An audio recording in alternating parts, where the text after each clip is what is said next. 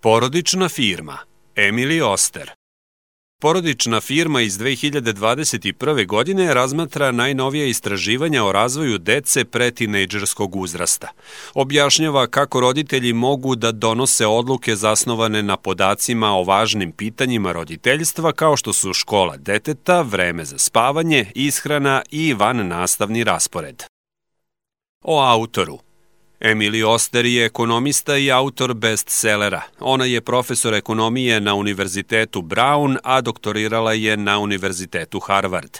Njena prethodna knjiga Expecting Better istražuje pristup donošenju odluka tokom trudnoće zasnovanom na relevantnim podacima. Uvod. Pristupite roditeljskim odlukama kao poslovni lider – Umetnost roditeljstva i umetnost poslovanja imaju više zajedničkog nego što mislite. Kada dobri poslovni lideri moraju da donesu neku tešku odluku, oni prikupljaju dokaze i obrađuju podatke kako bi odredili najbolji način za napredovanje. U ovim poglavljima ćete otkriti kako roditelji mogu da zauzmu sličan pristup. Otkrićete najnovije istraživanja iz oblasti razvoja dece i saznaćete šta dokazi zaista govore o najbitnijim pitanjima sa kojima se suočavate kao roditelj deteta od 5 do 12 godina. Od toga koliko sna treba vašem detetu do zdrave ishrane i vremena ispred ekrana. Ovo je vaš vodič za optimalno roditeljstvo. U ovim poglavljima ćete naučiti kako da naterate svoju decu da jedu povrće. Saznaćete i kakva je veza između roditeljskog rada i školskih ocena i zašto helikoptersko roditeljstvo ima svoje prednosti. Ključna ideja 1. Dovoljno spavanja je osnova za uspeh i dobrobit vašeg deteta.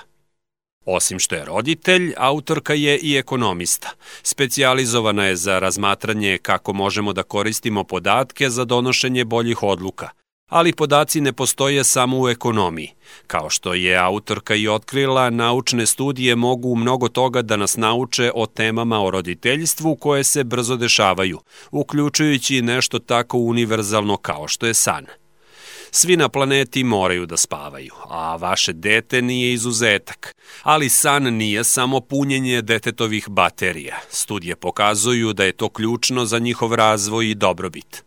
Jedno istraživanje koje je obuhvatilo 3000 srednjoškolaca na Rhode Islandu pokazalo je da su deca koja su manje spavala i kasnije odlazila na spavanje dobijala i najgore ocene. I ne samo to, kod ove dece je postojala i veća verovatnoća da će patiti od depresije. Ključna poruka je, dovoljno sna je osnova za uspeh i dobrobit vašeg deteta – Veza između ocena i vremena spavanja nije jednostavna.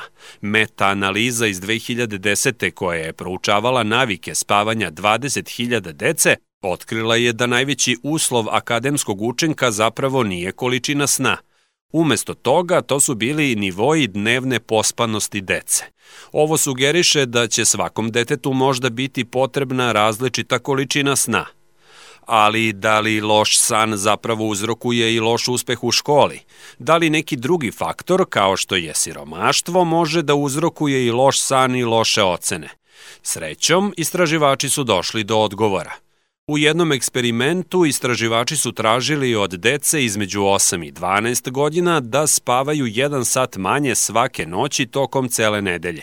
Zatim, sledeće nedelje, istraživači su zamolili decu da spavaju još jedan sat. Ovo možda ne zvuči mnogo.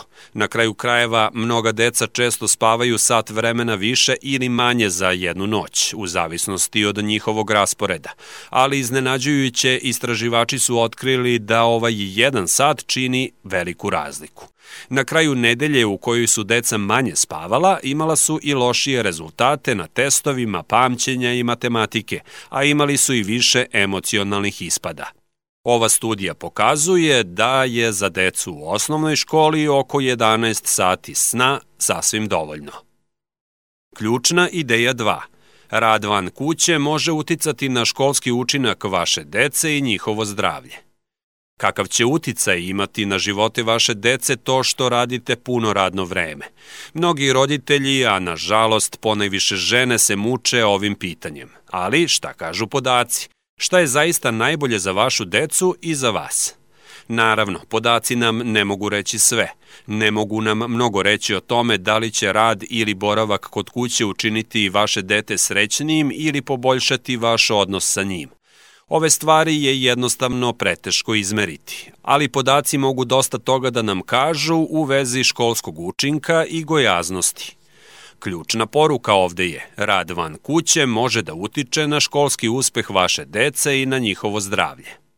Prema istraživanjima, kada majke rade van kuće, njihova deca obično dobijaju bolje ocene. Međutim, efekat je veoma mali i menja se u zavisnosti od toga kakva ste porodica.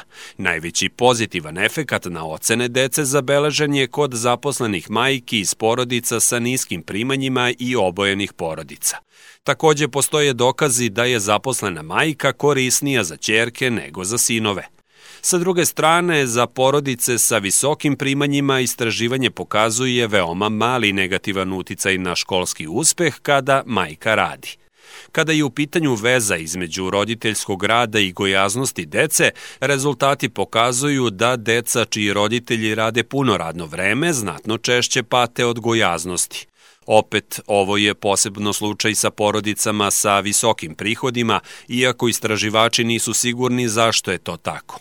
Ono što znamo je da u proseku deca sa roditeljima koji rade puno radno vreme jedu manje zdrave hrane, piju više gaziranih pića i više gledaju televiziju, što je sve faktor rizika za gojaznost ali kakav uticaj ima rad van kuće na vaše blagostanje? Pa ako ste majka, možda će rezultati biti obeshrabrujući. Dok istraživanja pokazuju da karijera i porodica čine ženu srećnom, rezultati takođe pokazuju da to dvoje ne idu zajedno. Drugim rečima, imati i karijeru i porodicu u isto vreme je recept za stres. Majke koje rade sa punim radnim vremenom navode da su umornije od majki koje ostaju kod kuće. Ključna ideja 3. Ukusi ljudi ostaju sa njima za ceo život, pa ponudite svom detetu zdravu hranu.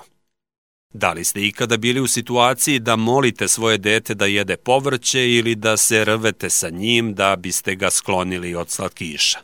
Hranjenje dece može da bude izvor brige i frustracije za većinu roditelja, ali šta podaci govore o ishrani dece?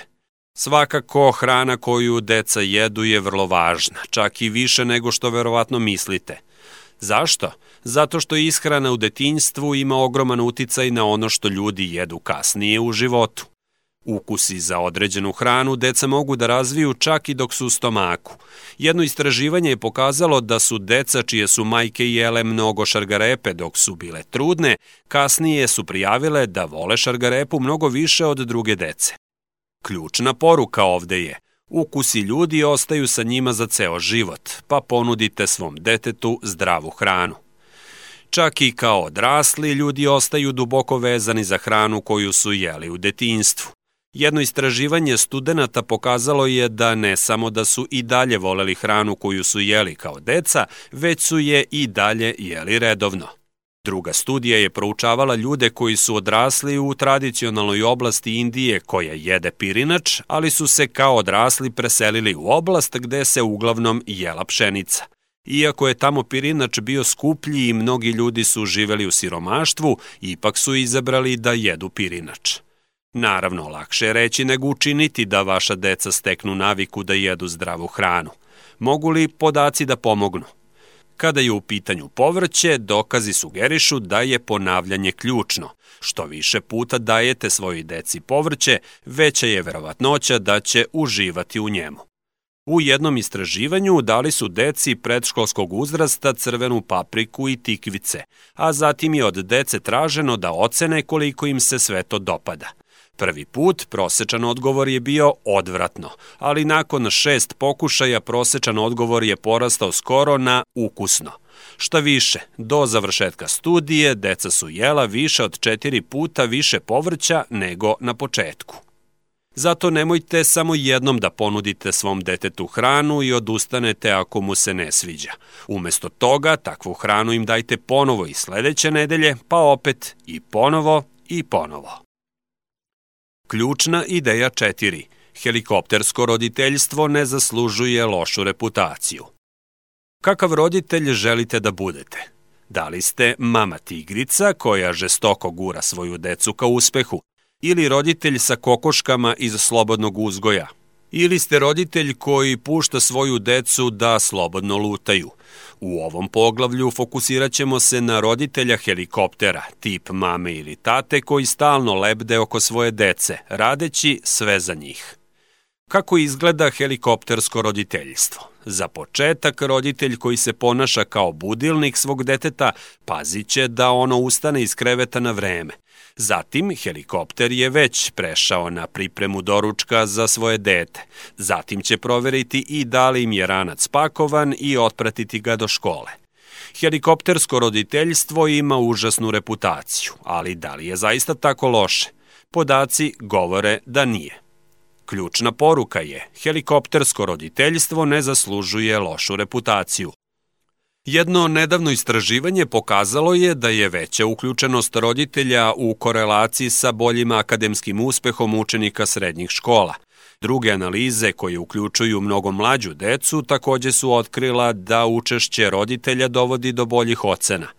Ovo ima smisla – Zamislite desetogodišnje dete koje svaki dan ustaje samo, pakuje svoj ranac i seća se svog domaćeg zadatka. Ali ipak dete je dete, tako da će neizbežno zaboraviti stvari i nekoliko dana će zakasniti u školu. Dete sa roditeljem helikopterom, sa druge strane, neće, tako da bi ovo vremenom moglo da ima prednost.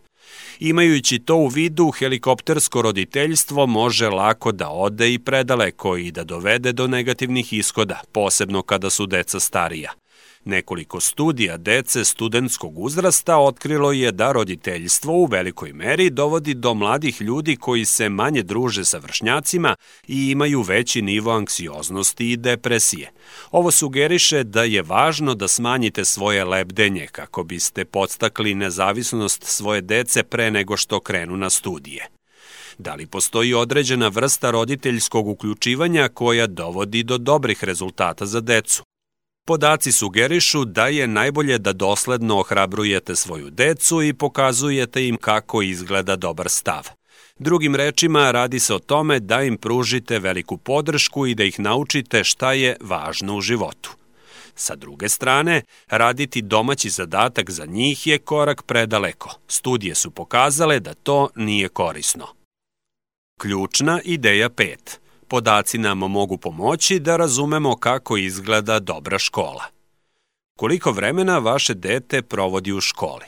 Pa ako tipičan školski dan traje 8 sati i to 13 godina, ne računajući raspuste, onda će tamo provesti blizu 19.000 sati. Dakle, svakako vredi da izaberete školu koja mu daje najbolje šanse za uspeh. Ali kako možete da odaberete sjajnu školu? Hajde da pogledamo dokaze. Ispostavilo se da velike škole imaju nekoliko ključnih zajedničkih karakteristika, pre svega odlične učitelje. Ključna poruka ovde je, podaci nam mogu pomoći da razumemo kako izgleda dobra škola. Svi znaju da su nastavnici važni, ali pitanje je koliko su važni.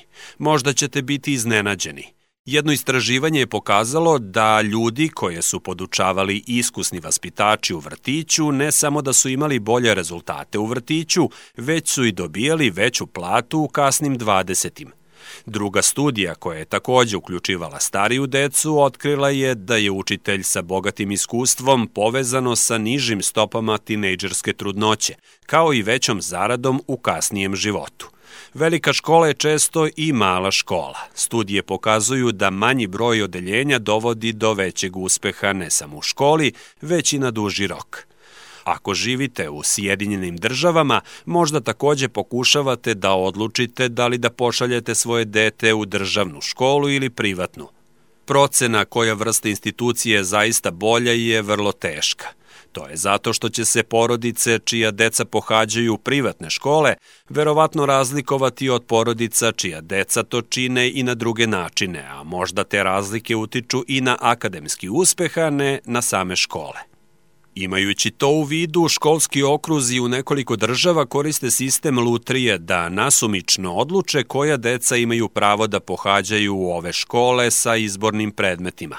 Podaci iz ovih okruga pokazuju da deca koja pohađaju ovakve škole imaju bolji akademski uspeh od one koja ove škole ne pohađaju.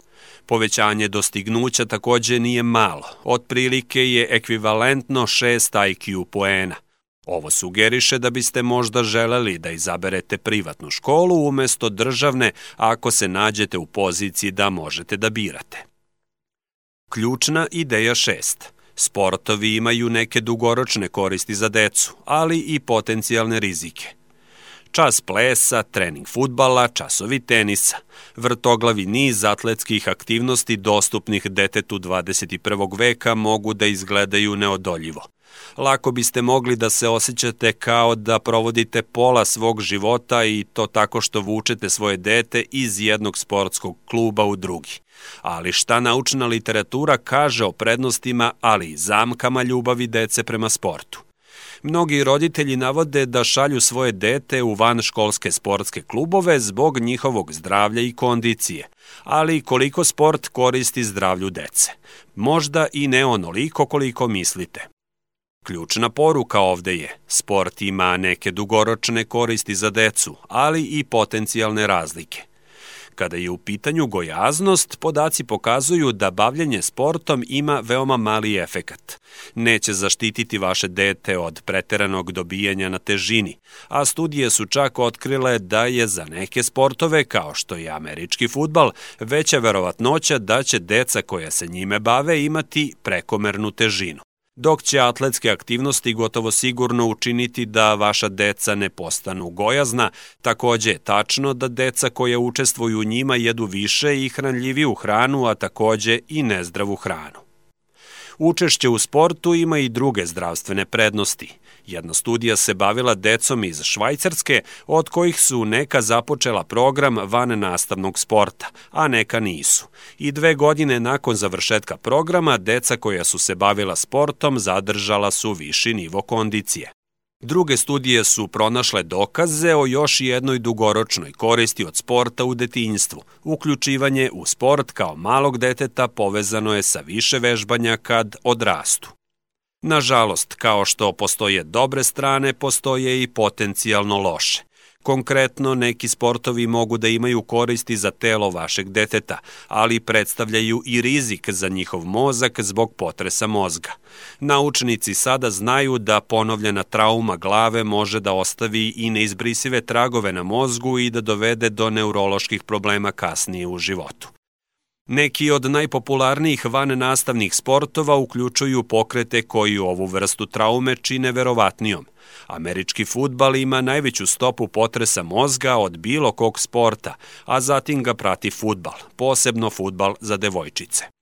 Rvanje i košarka su takođe veliki rizik. Ako je ovo za vas previsoka cena, možete podstaći svoje dete da se umesto ovih sportova bavi onim sportovima sa malim rizikom od potresa mozga, kao što je trčanje, tenis ili plivanje.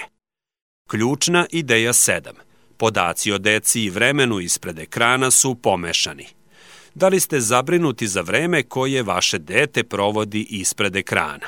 Većina modernih roditelja brine da njihova deca provode previše vremena gledajući televiziju ili drugu vrstu digitalnog ekrana. Bilo da se radi o videoigricama, društvenim medijima ili Netflixu, ali koliko biste zaista trebali da budete zabrinuti zbog ovoga. Nesumljivo strah vezan za vreme provedeno ispred ekrana postoji zato što je to nešto novo. Iako je sada teško poverovati, kada su romani postali popularni u 17. i 18. veku, ljudi su se brinuli da bi i oni mogli da imaju loš uticaj. I koliko god da danas brinete koliko vremena vaše dete provodi ispred ekrana, podaci o ovim pitanjima nisu baš ono što biste očekivali. Ključna poruka ovde je, podaci o deci i vremenu ispred ekrana su pomešani. Prosečno američko dete gleda televiziju 24 sata nedeljno, ali nije jasno da li im sama televizija nanosi štetu. Dok su studije otkrile da deca koja nemaju pristup televiziji dobijaju bolje ocene, to bi moglo da bude zato što ova deca provode više vremena radeći nešto drugo što je od koristi za njihov školski uspeh, kao što su domaći zadaci ili čitanje. Kada su u pitanju videoigrice, dokazi su takođe klimavi. Laboratorijske studije su otkrile da se deca koja su igrala nasilne videoigrice ponašaju agresivnije od dece koja su igrala nenasilne. Uz to, oni koji igraju nasilne videoigrice imaju i veću verovatnoću da i sami ispoljavaju nasilne sklonosti ali istraživači ipak nisu sigurni da li će deca sa sklonošću ka nasilju prebirati nasilne igrice ili ih video igre zapravo čine nasilnijima. Mnogi roditelji takođe brinu da će njihovo dete postati zavisno od videoigrica, ali dokazi sugerišu da samo mala manjina između 2 i 10 procenata dece koje igraju videoigrice pokazuju znake zavisnosti. Šta više, postoje neki dokazi da ova deca i onako imaju već postojeće sklonosti ka zavisnosti. Dakle, da nisu bili zavisni od video igara, možda bi umesto toga koristili alkohol ili drogu. Međutim, može se izvući jedan čvrst zaključak o negativnim efektima vremena ispred ekrana. Loš je za san. Deca sa televizorom u spavaćoj sobi prijavljuju da spavaju manje i imaju lošiji san. Šta više, studije pokazuju da deca koja gledaju u ekran dva sata pre spavanja lošije spavaju. Ovo važi i za odrasle. Tako da ovo može biti predlog kako da deca prekinu sa tim. Ujedno, bit će zdravije i za njih, ali i za vas. Konačni rezime. Ključna poruka u ovim poglavljima – Odluke koje donosite za svoje dete mogu da utiču na njega tokom celog života. Da biste svoje dete pripremili za uspeh, usredsredite svoju energiju na to da se dobro naspava, jede zdravu hranu i pohađa školu sa odličnim nastavnicima i malim brojem odeljenja. Iako možda želite da vaše dete bude nezavisno, nema ništa loše u tome da mu spakujete ranac i pripremite im doručak kad krenu u školu. U stvari, to će im i pomoći da ostanu na pravom putu. A evo još nekoliko korisnih saveta. Odvojite vreme za porodične obroke. Ako želite da svoji deci pružite bolji početak u životu, pokušajte da večerate zajedno što je više moguće.